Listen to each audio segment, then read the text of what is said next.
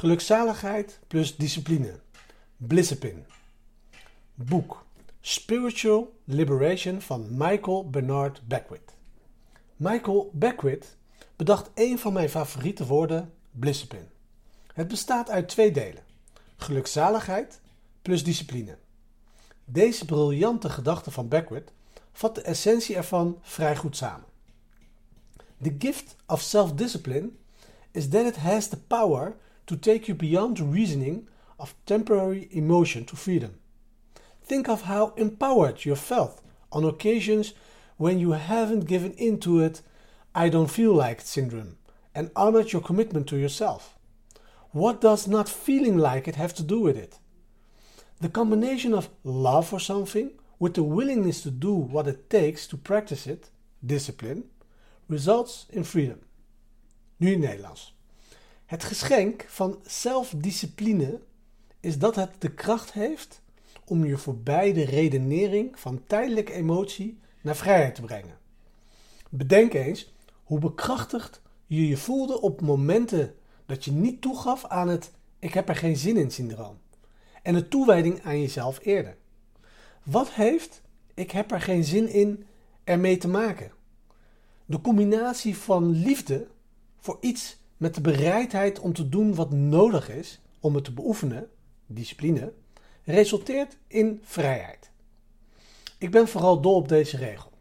Wat heeft, ik heb er geen zin in ermee te maken. Je hebt besloten om iets te doen, dus doe het.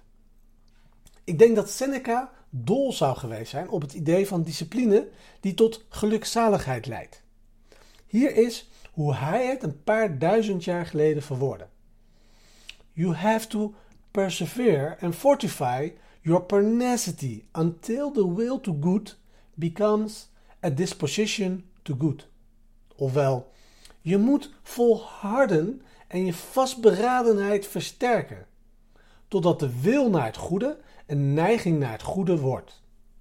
Anders gezegd, we hebben de discipline nodig om lang genoeg aan iets vast te houden, zodat we nieuwe gewoonten kunnen creëren die uiteindelijk leiden naar een nieuwe manier van zijn, waarbij het juiste doen vanzelfsprekend is. Klinkt veel als de wetenschap tegenwoordig zegt.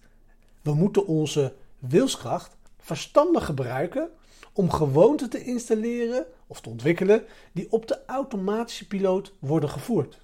Ik herhaal. We moeten onze wilskracht verstandig gebruiken, want het is niet onuitputtelijk, om gewoontes te installeren of te ontwikkelen die op de automatische piloot worden uitgevoerd. Seneca zegt ook: How much better to pursue a straight course and eventually reach that destination where the things that are pleasant and the things that are honorable finally become for you the same. Ofwel, hoewel het beter is om een rechte koers te volgen en uiteindelijk die bestemming te bereiken, waar de dingen die aangenaam zijn en de dingen die eerbaar zijn voor jou uiteindelijk hetzelfde worden. Dus hoeveel is het beter, hè, hoeveel beter is het om een rechte koers te volgen en uiteindelijk die bestemming te bereiken, waar de dingen die je dus aangenaam vindt en die eerbaar zijn, voor jou hetzelfde zijn. Anders gezegd, discipline leidt tot gelukzaligheid als wat je graag doet het beste voor je is. En in feite kom je dan op het punt waarin het verkeerde doen eigenlijk moeilijker zou zijn dan wat je hebt vastgesteld dat het juiste is omdat je brein je in feite dwingt om het goede te doen. De microles van vandaag is de vraag: hoe is het met jouw discipline? De gelukzaligheid van het beoefenen van je discipline is wat jou naar je vrijheid leidt.